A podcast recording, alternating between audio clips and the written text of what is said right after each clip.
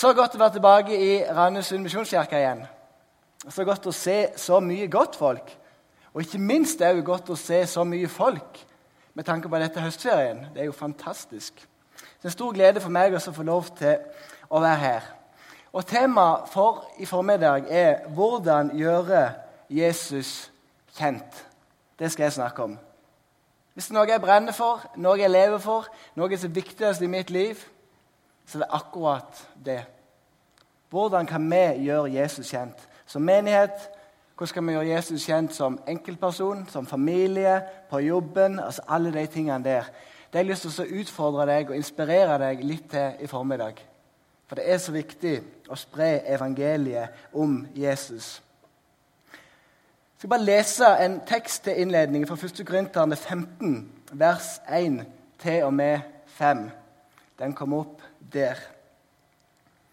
Jeg kunngjør for dere, søsken, det evangelium jeg forkynte dere, det dere også tok imot, det dere også står på. Gjennom det blir dere frelst, når dere holder fast på ordet, slik jeg forkynte det. Ellers blir det forgjeves at dere kom til tro. For først og fremst overga jeg til dere det som jeg selv har tatt imot, at Kristus døde for våre synder etter Skriftene, at han ble begravet, at han sto opp den tredje dag etter Skriftene, og at han viste seg for Kefas og deretter for de tolv. Dette er evangeliet. Jesu død, Jesu oppstandelse. Tror vi på det, at Jesus er død på korset, og at Jesus har stått opp igjen, så reiser vi hjem til himmelen. Så enkelt er det faktisk. Ikke verre enn det. Og Da er det jo opp til oss å ikke komplisere dette enkle evangeliet. Og Evangeliet betyr jo gode nyheter.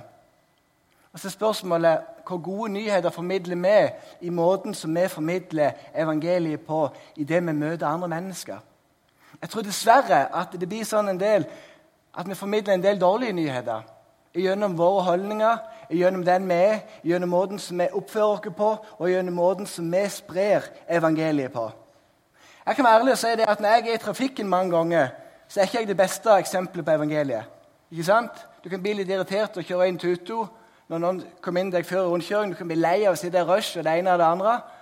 Og Da kan jeg merke det, at der er ikke jeg så veldig godt bilde på evangeliet. Du er kanskje din område av livet der det er utfordrende for deg å være positiv. Der er det utfordrende for deg å vise andre mennesker hvem Jesus er. Men når du står i en kø, når du får dårlig service i en butikk, da formidler du evangeliet gjennom måten som du responderer på. Jeg vet ikke om du tenker på det, men i alle handlinger som vi gjør, uten å si et eneste ord, så formidler vi evangeliet. Hvis vi er grunn til sure hele veien fordi vi aldri er fornøyde, så formidler vi evangeliet. Og så er du bildet på Jesus der som du vandrer. Og Det er så sprøtt at det er sånn at eh, folk som ikke vet hvem Jesus er, vil se på deg, og så vil de tenke at sånn som du er, sånn er Jesus.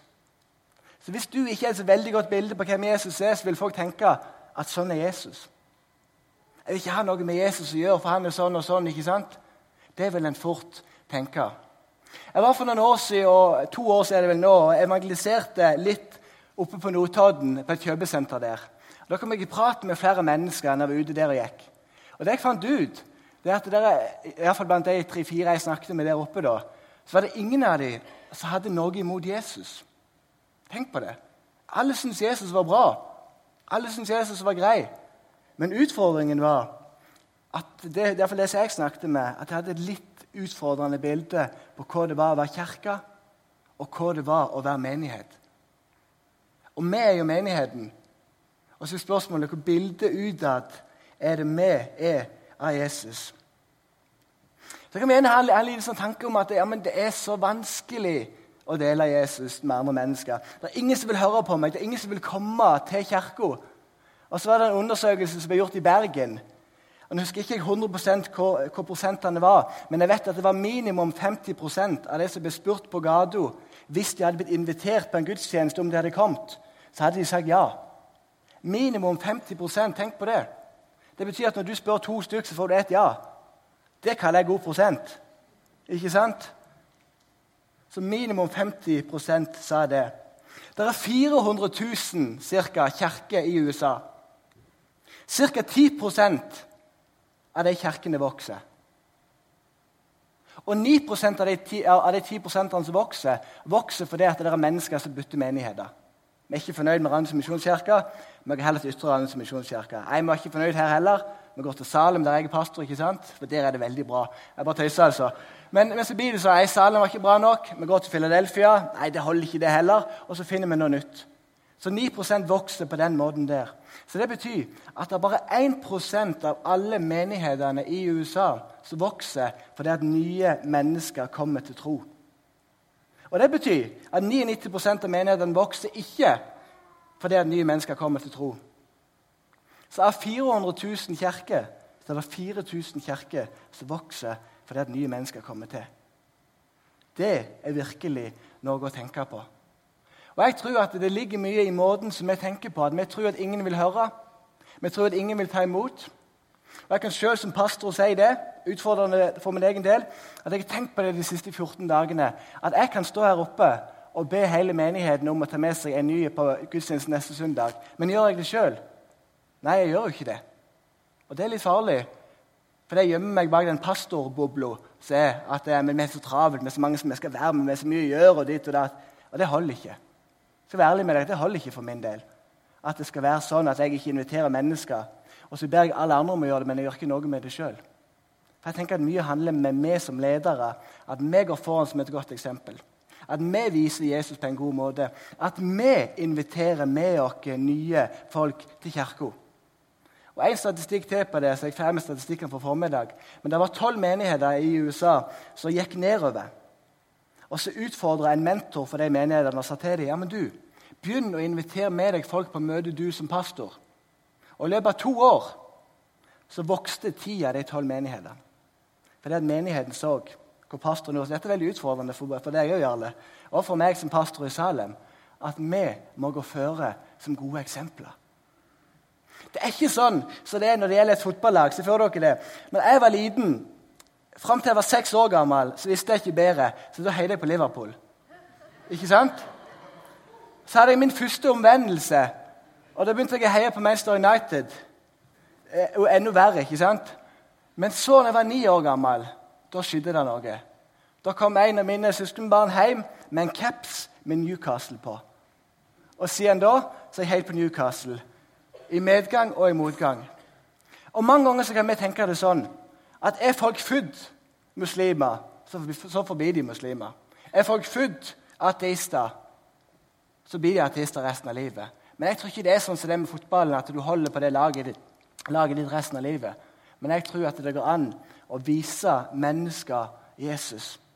Gjennom det vi er, gjennom måten som vi behandler andre mennesker på, så kan vi vise andre folk hvem Jesus er. Jeg satt hjemme på tirsdag her denne uka Eh, og jeg er en person dessverre som nesten aldri tar til tårene. og Det syns jeg er litt dumt. Men jeg satt hjemme, det var veldig spesielt. Så så jeg på Ekstrem oppussing i USA. Ikke sant? Det er jo et fantastisk bra program. Så sitter jeg og ser på det, og Der er det en kjempefattig familie Så er fullt av eh, mugg og sopp i hele huset. og Det er ikke bra på noen måte. De var fem unger, og det ene og det andre. Og så, kom, og så kommer da han Theis, leder dette programmet, og han sier at vi har lyst til å gi dere et nytt hus. Så bygger de opp dette huset på ei uke, og så setter de en buss før. Og så kjører den bussen vekk, ikke sant? og da får de se dette gigantiske huset. Det er jo ikke bare lite, men det er jo helt nydelig. Og når jeg sitter der og ser på det, så er det veldig spesielt, men jeg føler at Jesus kommer veldig nær der jeg sitter. Og Uten at jeg kan forstå det, så begynner mine tårer å renne. Og Heldigvis er Kristine nede, så hun ser ikke dette. Eh, men tårene mine begynner å renne fordi jeg bare ser at midt i håpløsheten så kommer det mennesker og betyr en forskjell. Og ikke nok med det, så kommer det en som er leder for et stort college i samme byen og sier det at jeg vil gi stipender til alle de fem barna som dere har, sånn at de kan få en collegeutdannelse. Og I USA så snakker vi flere hundre tusen per person. Så dette er en gave på halvannen million kroner som de fikk der. Og Da sitter jeg der og tenker at det er menighet det er å tro på Jesus. Det er å hjelpe mennesker som trenger hjelp. Det er å vise andre mennesker hvem Jesus er. At, vi, at når vi ser noen som lider, så lar vi, lar vi ikke bare være å hjelpe dem, men vi går og hjelper dem. Og gjennom våre handlinger så får mennesker merke at Jesus er på vår innside. At Jesus er en del av det. Det tenker jeg er å spre evangeliet. Og jeg tror at du som enkeltperson, at vi som menigheten her, kan få lov til å vise andre mennesker hvem Jesus er gjennom våre handlinger. Det tror jeg. For ja, det er superåndelig å be, og jeg ber mye. Men jeg tenker også at det er like åndelig å hjelpe de neste. De to tingene går sammen, tenker jeg. Vi kan ikke bare be, og vi kan ikke bare hjelpe det neste, men når vi gjør en kombinasjon av det, sånn at mennesker kan kjenne at det er noe med oss, de kan merke at vi er annerledes, de kan merke at vi har en utstråling som gjør at de begynner å stille spørsmål uten at du har sagt noe. Det må ikke være sånn som mange ganger kan bli, at vi inviterer hjem naboene, og de vet at du er kristen. Og du vet at du er kristen, så sitter du rundt bordet der og snakker sammen, og de bare venter på når skal han prakke på evangeliet på meg. Og motsatt. Og du sitter der og venter. Når kommer muligheten til at jeg skal få lov til å dele om Jesus? Og så blir det veldig kunstig. Jeg tror ikke det er sånn det fungerer. Jeg tror det fungerer sånn at vi bygger en relasjon, og så merker mennesker at det er noe med oss. Så merker de at vi bryr oss. Så merker de at vi stiller opp. Og så merker de det at i løpet av den relasjonen som blir bygd, så kan vi få lov til drypp for drypp for drypp å peke på Jesus og vise andre mennesker hvem Jesus er. Og det er det vi lever for. Det er akkurat det vi lever for. At denne menigheten her skal eksplodere i størrelse. Derfor vi skal bygge nytt bygg. ikke sant? For det at vi ønsker at mennesker skal ta imot Jesus. Det er det aller, aller, aller viktigste. Ingen vil huske hvem som vant eller når, eh, at Start vant kampen sist søndag. Veldig bra det. Gud velsigne deg for det, Simen. Men det er ingen som vil det er ingen som vil huske det 100 år ifra nå, at Start vant den kampen, selv om det var bra. Men folk vil huske hvem som faktisk blir med hjem til himmelen. For det er det aller viktigste. At vi får med oss mennesker på den vandringa som det er å leve livet sammen med Jesus. Og Da vil jeg bare spørre deg Tror du at du lever et liv som andre mennesker har lyst til å leve. Når folk ser på livet ditt, når folk ser på livet mitt, tror jeg Jonny sjøl at andre mennesker har lyst til å leve det livet jeg lever. Mange ganger så tenker jeg nei, det har de ikke lyst til i det hele tatt. Men noen ganger, og oftere og oftere, håper jeg iallfall, så tenker jeg det ja. Det livet som jeg lever, det tror jeg andre har lyst til å leve. For det er et liv der Jesus er med. Det er et liv der Jesus er på lag uansett. Det er et liv der jeg får lov til å se at mennesker kommer til tro. Et liv der jeg får lov til å be for mennesker, og de blir helbredet. Et liv der jeg kan få lov til å bety en forskjell. Jeg kan gi penger til det prosjektet eller det prosjektet. Så kan jeg få lov til å merke det, at Guds rike vokser. Så vil jeg spørre deg om Tror du at du forandrer litt av verden? Eller er det verden som forandrer deg? Gjennom å svare på de to spørsmålene her så vil du veldig fort finne ut hvordan din temperatur i livet er. Du vil finne ut om du har den samme brannen du hadde for Jesus for mange år siden. Når du først tok imot Jesus og trodde på han og kjente på den kjærligheten, den vil du kjenne på. Det er akkurat som i et ekteskap at Før du gifter deg, så treffer du en bra kone eller en bra mann, og du er stupende forelska. Du kan sitte i fem timer for å skrive det perfekte brevet. ikke sant? Men, men når du har vært gift noen år, så er du fornøyd hvis du sitter i fem minutter og skriver det brevet. Dessverre. For det er forelskelsen går over til kjærlighet, og så sånn og sånn, så blir det travlere liv. Men jeg tror mange ganger at det er sånn i vår relasjon med Gud òg. At vi pleier ikke den relasjonen, og derfor kommer vi på avstand. Og Sånn er det i et ekteskap òg. Hvis vi ikke pleier den relasjonen regelmessig med vår kone, eller mann og vise at vi er glad i hverandre og vise at vi bryr oss og stiller opp for hverandre og heier på hverandre, da vil det bli en dårlig relasjon. Og Sånn er det litt med Jesus òg. At, at, vi plutselig vil merke at vi kommer på avstand. Steg for steg for steg for steg, for steg, uten at vi egentlig merker det. Men det handler om å få den der brannen for Jesus, for evangeliet, tilbake i sitt liv. Jeg er 28 år gammel nå. Jeg kan med hånden på hjertet og si jeg har aldri vært mer gira og mer brennende for Jesus enn jeg er nå. Og Det er ikke noe som bare skjer over natta, men det handler om at en må jobbe med det hele veien. En må be Gud om å legge ned en byrde på sitt hjerte om at mennesker må ta imot Jesus. For mennesker er det aller, aller, aller viktigste på denne jorda her. Å evangelisere det handler om å spre det gode budskapet. Det handler om å vise andre mennesker hvem Jesus er. Og jeg elsker dette bildet her på Jesus. Det er mitt favorittbilde. Det henger hjemme i huset vårt.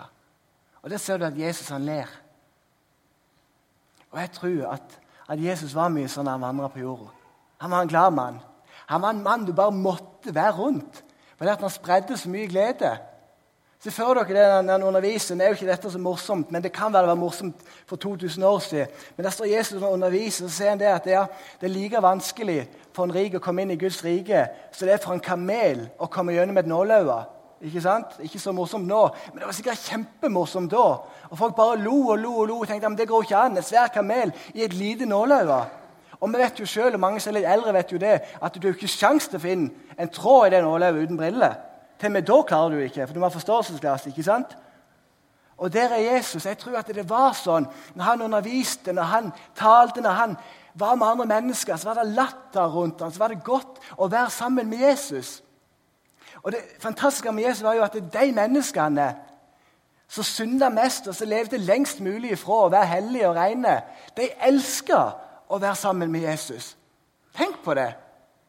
Mens de skinnhellige som fiksa alt, og så klarte de over 600 budene som står i Gamle Testamentet og forskriftene, og sånn, de syntes ikke det var så gøy å være sammen med Jesus.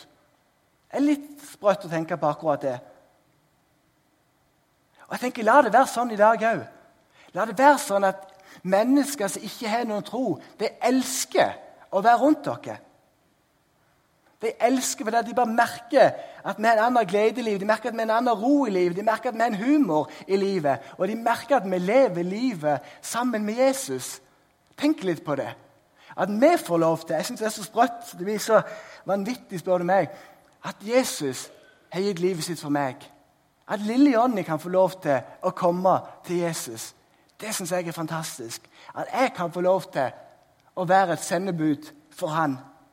At jeg kan få lov til å peke på han, som er på bildet her, og han som er i 'mitt hjerte'. At Det handler ikke om at jeg skal fikse livet, men det handler om at Jesus skal fikse livet gjennom meg. Det er fantastisk å tenke på. Og hvis du vil, så kan du skrape sammen til et lite amen. Takk skal du ha. Visjonen til denne menigheten her, det er Guds barns enhet og menneskers frelse. Det viktigste denne menigheten ønsker, det er at mennesker skal ta imot Jesus. Et par tanker et par påstander jeg bare skal si. Jeg skal ikke svare på dem. Men hvis Gud er så god, hvorfor er vi så nervøse når vi skal dele vår tro? At hvis vi virkelig tror at Gud er så god som vi leser om i Bibelen, at Jesus er så god som vi leser om i Bibelen, hvorfor er vi da så nervøse når vi skal dele vår tro? Videre så tror jeg det at veldig ofte så fokuserer vi altfor mye på teknikk. Vi fokuserer for mye på metoder. Vi skal lære det det utenat. Slutt med det der med en gang. Ikke lær noe sånn greie utenat, men vær deg sjøl. Del Jesus gjennom den personen som du er. Du trenger, trenger, ikke engang å si at du tror på Jesus. For jeg tror det at når vi lever for, for Han, så vil folk merke at det er noe med deg. Jeg tror det at vi bærer på mye skyldfølelse i forhold til det, når det handler om å dele Jesus til andre mennesker. For vi føler ikke at vi strekker til. Jeg føler iallfall det hele veien. Sikker på at det er andre som kan kjenne på det samme. Og jeg tenker òg det at mennesker har grunn til å føle seg krenka når vi behandler mennesker som et prosjekt istedenfor som et medmenneske. Det er mennesker vi snakker om. Det fins ingen enkle liv. Det fins bare liv. Jeg hørte om ei cellegruppe så bestemte seg for at de skulle ha et prosjekt i, det, i denne cellegruppa. Et små fellesskap, life-gruppe, kall det hva du vil, vennegruppa. Så ble de enige om at ja, men vi skal ta med oss én person som ikke tror på Jesus. Skal vi få han inn i gruppa? Og så skal vi be Gud om at han skal ta imot Jesus som sin herre og frelser. Og det er veldig bra. det er vi for. Så de får med seg en, og de bruker masse tid med han. Og så til slutt da, så tar denne personen imot Jesus. Og Noen ganger seinere sitter de rundt et bord, og der sitter også denne personen som har tatt imot Jesus. Og Så snakker de sammen uten å tenke på at han sitter der. Så sier de ja, men nå var vi ferdig med dette prosjektet her. Så hva skal bli vårt neste prosjekt? Se for deg at du sitter der, og du er just har tatt imot Jesus. Og du hører at du bare var et prosjekt. Vi snakker ikke med mennesker. Da hadde jeg tenkt at hva i alle dager er det dette går i? Og Der er det veldig viktig at det handler alltid om mennesker. Det handler alltid om den enkelte. Det handler alltid om å se den ene. For når vi ser den ene, så tror jeg at menighetene våre vokser. At vi bryr oss om den ene personen. Det står Johannes 16,9. Dette er blitt en av mine favorittvers. Men der står det det Du skal få det opp på veggen. At synden er at de ikke kjenner meg. Er dere klar over det? At den eneste forskjellen på meg og en som ikke tror på Jesus, det er Jesus. Det er bare Jesus er forskjellen. Det er ikke ingenting på noen måte å skryte over. Vi kan høre rundt forbi at mange som ikke tror på Jesus, kan si om oss kristne at eh, ja, men de tror de er så mye bedre. Og så vil jeg snu dette helt motsatt vei. Og jeg, og jeg tenker sånn, jeg er helt ærlig på dette, at jeg er så vanvittig dårlig i meg sjøl at jeg trenger Jesus for å bli et bra menneske. At jeg er egentlig så bra at jeg liksom ikke trenger Jesus. Skjønner du hva jeg mener? For Jeg tenker at Johnny i meg sjøl har veldig lite å skryte, over. det. Men når Jesus kommer på min innside, da har jeg vanvittig mye som jeg kan skryte over. For da forandrer han meg. Da har han forandret meg. Den har gjort noe med meg. Da lever jeg ikke lenger sjøl, men Jesus, han lever i meg. Og Det står i Johannes 3,30 at han skal vokse, og jeg skal avta. At Når Jesus er en del av livet vårt, så er ikke det viktigste at vi skal bygge vårt rike, men det viktigste er at vi bygger Guds rike. Og Jeg hadde en lengre faste i januar måned dette året. her. Og Det var det én setning jeg fikk etter, etter, den fasen der. da. Og det var det at Jonny, bygg du mitt rike, så skal jeg bygge ditt rike. Og Det samme vil jeg si til alle her inne. At bygg du riket til Jesus, det viktigste riket å bygge, så kommer han til å bygge ditt rike. Ja, Alle skal tale mer om dette neste gang vi skal på veggen nå. Men det står i 2. Timoteus 2,4.: Han, altså Gud, som vil at alle mennesker skal bli frelst og lære sannheten å kjenne.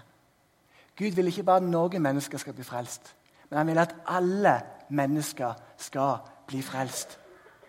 Og Det er så sterkt at om det så bare var ett menneske som levde på denne jorden, når Jesus døde på korset, så hadde Jesus dødd om og om og om igjen for dette mennesket. For så mye elsker han deg, og så mye elsker han meg. Og det gir iallfall meg frimodighet. Jesus sier i Johannes 14, vers 6.: Jeg er veien, sannheten og livet. Ingen kommer til Far uten ved meg. Det er Jesus som er veien, sannheten og livet. Det er synd å si det, men jeg tror det er sant at det er bare gjennom navnet Jesus vi kan få lov til å komme til himmelen. Og alt der er gratis og bare nåde. Vi kan aldri gjøre oss fortjent til å komme til Jesus, for det er bare gratis, og det er han som har gjort alt på forhånd for oss, sånn at vi kan få lov til å komme til han. Jeg vil gi et par tips på veien til meg sjøl og til dere her inne på hvordan vi kan ha gode lys i verden der som vi vandrer. Og jeg tenker det, at Det viktigste du kan gjøre, det viktigste jeg kan gjøre, det er å være oss sjøl. Alle kjenner til det klassiske ordtaket på russekortene der det står du er født som en original, ikke død som en kopi. Ikke sant? Det klassiske ordtaket. Og det deler jeg med dere i dag òg.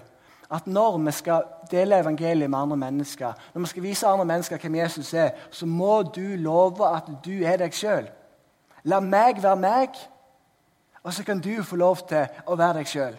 Så kan du vise Jesus på den måten som du vil vise Jesus på. I, menigheten min i, Salem så er vi noen av de som går rundt på, på gata i marken, som ber for syke, og de blir helbredet, de blir frelst og alt det. ikke sant? Det er deres måte å gjøre det på, og Gud velsigner deg for det. Så er det andre som ikke gjør det på den måten, men som gjerne gjør det gjennom gode gjerninger. De går til naboen og spør om de kan måke tun, eller de går til naboen og hjelper med noe. Og gjennom den måten så viser de evangeliet på. Og Det er så viktig at vi får tak i hele denne bredden. Og Jeg tror Gud har gitt alle unike muligheter. Han har gitt alle unike gaver til å spre evangeliet der som du er. Men det handler om at du må være deg sjøl. Ikke kopier meg. Ikke kopier Jarle. Du kan jo lære noe av oss, ja, men ikke kopier oss. Men vær deg sjøl og spre evangeliet på den måten som Gud har kalt deg til å gjøre. For det er den oppriktige kjærligheten til mennesker som gjør at de tar imot Jesus. At de merker at vi er glad i dem. Så enkelt, men allikevel så vanskelig. Husker For noen år siden så var jeg i, USA så var jeg med på en bibelskole noen dager der. Og Da var det et av fagene evangelisering. Så skulle en gå og banke på dørene. ikke sant? Og så skulle en dele evangeliet på døra. Så hadde du fått et, sånn et uh, skript på forhånd som du skulle lære utenat. Og så var det sånn, ja, Hvis du dør i dag, og hadde du visst med sikkerhet at du kommer til himmelen, bare på engelsk, og sånn og sånn. Og det blir det sånn at Når du er der borte, så kjenner jeg for jeg at jeg ba en eneste bønn når du står utenfor den døra der. Og det er 'Kjære Jesus, jeg ber om at ingen må være hjemme'. Ja, men ikke sant? Og jeg merker det, at når vi åpner dørene, og folk komme ut, og vi prakker på de evangeliet For det gjorde vi. Så var det mange som tok imot Jesus bare for å få oss lengst mulig vekk. Det er helt sant. Det var det. Og så kan den måten funke. Jeg sier ikke at den ikke kan funke. Men spørsmålet er hvor er du hjertet i den metoden å gjøre det på. Og mitt hjerte var iallfall ikke der. For det første så var jeg vel 19 år gammel og var ikke supergod i engelsk. Og så kommer der på døra og deler ut om det ene. Da. Det var ikke så veldig enkelt for min del. Og for det andre hadde jeg jo ingenting lyst til å gjøre det. For det var ikke min måte å gjøre ting på. Og Det handler om at vi må finne vår måte å gjøre det på. Er dette din måte å gjøre det på, så fortsett med det så lenge det virker. ikke sant? Gud velsigne deg. Men ikke press deg til å bli noen andre enn den du faktisk er. Nøkkelen er oppriktighet og lydighet. Det handler ikke om å vite alt. Det handler ikke om å kunne alt. Men det handler om å møte mennesker der de er. La ikke snakke vårt religiøse språk heller hele veien. Jeg skal, gi dere et, et, fantastisk bilde på dette. Jeg skal ikke si hvem som var, men det var noen som var i Salem i menigheten der jeg pastor for noen år siden. Og så ba vedkommende Dette er et ungdomsmøte. Så, unge, eh, så ungdommene var mellom 13 og 17 år gamle. Og så ber forkynneren seg der da. Kjære Jesus, jeg ber deg om at blodet skal flyte på møtet i kveld. Tenker du litt på den setningen der? Ja, blodet skal flyte på møtet i kveld. Du er 13 år gammel. Ikke sant? Og du sitter der. Hva er det for slags blod som skal flyte på møtet her i kveld? Er det, er det mitt blod? Er det noen, er det noen andre sitt blod? Og når vi snakker om å flyte, er det, er det ganske mye blod? Eller hva, hva, er det her for noe? Det hadde jeg tenkt hvis jeg var 13 år gammel. Men for denne personen her så vet alt om Jesu blod. ikke sant? Så renser jeg for all synd og det ene og det andre. Og at når det skulle flyte på møtet, så var det jo at Guds nærvær for å si på norsk, at Guds nærvær skal være på møtet her i dag. Og litt sånn tror jeg det er mange ganger med oss. At vi snakker vårt religiøse, vanlige språk som om at alle andre mennesker skal forstå det som vi snakker om. Som forkynner så er det nok det jeg jobber aller mest med, det språket mitt. At Hvordan kan jeg si en ting på enklest mulig måte, sånn at alle mennesker kan forstå det? Hvordan kan jeg si det på en måte sånn at jeg vet at mennesker som ikke tror på Jesus, forstår hva jeg faktisk snakker om? Og Da ber jeg heller om at Jesus skal være nær i kveld, istedenfor at blodet skal flyte. Så kan blodet flyte sånn sett, altså. Men, men eh, dere skjønner hva jeg mener. Men tenk litt på det. Jeg snakket med ei bare på inngangen her. At Se for deg det at når du kommer inn døra her i menigheten Neste gang du kommer inn her, så vil jeg utfordre deg til å tenke at du har med deg en som ikke tror på Jesus. Aller helst vil jeg utfordre deg til å ta med en som ikke tror på Jesus. Men se at du ikke er klar til det ennå. ikke sant? Så kommer du inn her, så skal du tenke når du kommer inn i bygget her, at nå har jeg med meg en som ikke tror på Jesus. Og Da vil du begynne å tenke. Hvordan vil han tenke om parkeringsplassen vår? Hvordan vil han tenke eller hun når han kommer inn i lokalet her? Er det rotete? Hvordan ser det ut her? Er det godt å være her? Hvordan vil vedkommende bli møtt i døra? Vil jeg bli møtt med et godt håndtrykk og godt å se deg og godt å være her? Eller vil vedkommende bare komme inn, og så er det ingen som sier hei? Eller enda verre, jeg leste det i en bok som jeg just leste, at i en menighet så var det sånn at de, de pleide å hilse på noen nye eh, som en del av gudstjenesten. ikke sant? Og så var det ei som kom inn der og var helt ny. Og det var ingen som hilste på henne. De hilste bare på det de kjente. Hei, godt å se deg, klem, ikke sant? Men ingen hilste på nye som var der. Hva vil hun føle da? Og Så begynner vi å tenke når vi tar med oss mennesker som ikke tror. Ja, hva syns vi egentlig om det som Jonny sier i dag? Er det bra å ta med seg en som ikke tror på Jesus, gjennom det han sier? Og Det håper jeg det, men jeg vet ikke. Jo, jeg vet jo egentlig det, for jeg jobber mye med det her. Men jeg håper det. Likte, er, det er det en musikkstil som passer til dagens mennesker? ikke sant? Tenker vi litt på det? Kunne jeg velge i min menighet hva vi skal spille, så hadde det vært beina rock'n'roll. Men det kan vi jo ikke ha. Rock'n'roll er på vei ut. jeg lover dere det. Dessverre. Det er helt, det er helt døende. Noe som sårer mitt hjerte veldig. Men det som er veldig inn, det er liksom der, litt sånn, mest litt sånn tekno, dubstep, lovsang. og Vi har det på kveldsmøte. og Jeg syns det er fint, det. Men det er ikke mitt hjertespråk. Men jeg vet at det treffer dagens mennesker. Og da tenker jeg ja, men det går greit. Jeg kan høre på rock'n'roll i min bil når jeg sitter hjemme eller jeg kjører bil og jeg ber til Gud. Da kan jeg ha rock'n'roll. Så kan vi heller ha en annen musikkstil som treffer mennesker som ikke tror. Og Når vi endrer denne tankegangen og når vi endrer dette bildet, da skjer det noe med oss. Og jeg skal love deg det, at du kommer til å bli så mye mer glad i menigheten din. Men samtidig kommer du til å tenke her er det mye vi må gjøre noe med. Og Istedenfor å gå og klage til din pastor om at vi må gjøre det og det, så kommer du og sier ja, men du, jeg ser vi burde gjort dette. Jeg fikser det. Jeg gjør det. For Jeg vil gjøre det for menigheten min. Jeg vil gjøre det for at mennesker skal ta imot Jesus. Så får du helt annen tilhørighet til den menigheten som du er en del av. Ikke sant? Amen. Gud signe deg, broder der borte. Veldig fint. For det er jo sånn det er. At vi kan få lov til å peke på Jesus. Og jeg skal nærme meg en avslutning på det her. Og Da vil jeg dra deg kjapt inn på spor to. Og så, For der står det det. Spor, eller, det første er at du må være deg sjøl. Det andre er styrke i svakhet. Våg å være åpen med dine utfordringer i livet ditt. Du kan knytte deg til mennesker, nei, du kan imponere mennesker med dine styrker. Men du knytter deg til andre mennesker gjennom dine svakheter. Jeg var tidligere en gutt som fikk veldig mye til. Og det er helt sant. Jeg var flink i veldig mye. Og folk hadde det bildet på meg. Men så fant jeg, fant jeg ut, eller var selvfølgelig Jesus viste på meg at du må skjerpe deg. Du må forandre deg. Du må peke på din dårlige side. Du må våge å være åpen med livet. Du må være åpen med hvordan du har det. Når livet ikke er bra, så fortell mennesker at livet ikke er bra. Og Jeg merker det at gjennom å skifte på den måten der, så blir jeg et helt annerledes menneske. Og Jeg sier aldri det på noen måte for å skryte av meg. Det handler aldri om meg, men det handler om Jesus gjennom meg. Og da blir jeg bra. Og Jeg hadde en vielse på Haua i sommer der jeg viet noen av, av mine barndomsvenner. En hel haug med mennesker i kirka som ikke trodde på Jesus. Og Vielse er noe av det beste jeg vet. For der kan jeg peke på Jesus. Jeg prøver å gjøre det på en veldig annerledes måte òg.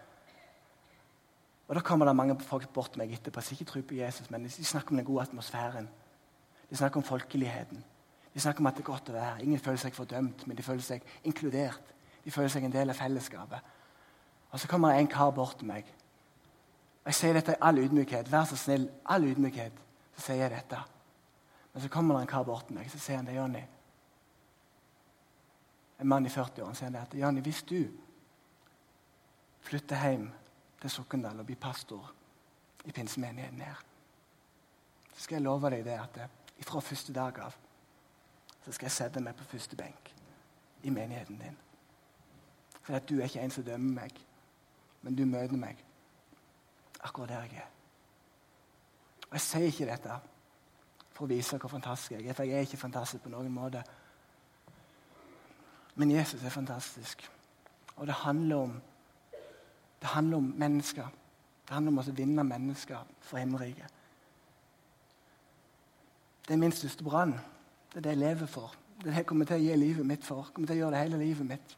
Det er at mennesker må få lov til å møte den samme Jesus jeg har møtt. En nådefull Gud, en nådefull far. En som ser meg når jeg ikke fikser livet. Det er veldig ofte. Det er det mennesker trenger å se, og det er det mennesker trenger å møte. Jeg vil utfordre deg til å finne en person som du begynner å be for.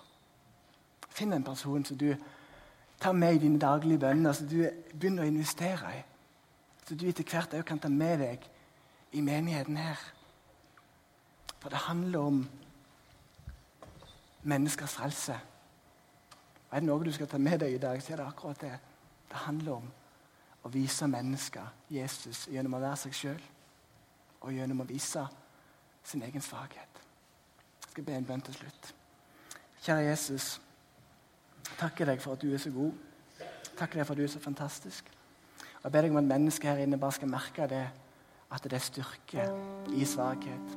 Mennesker skal merke det, at du gir dem det de trenger.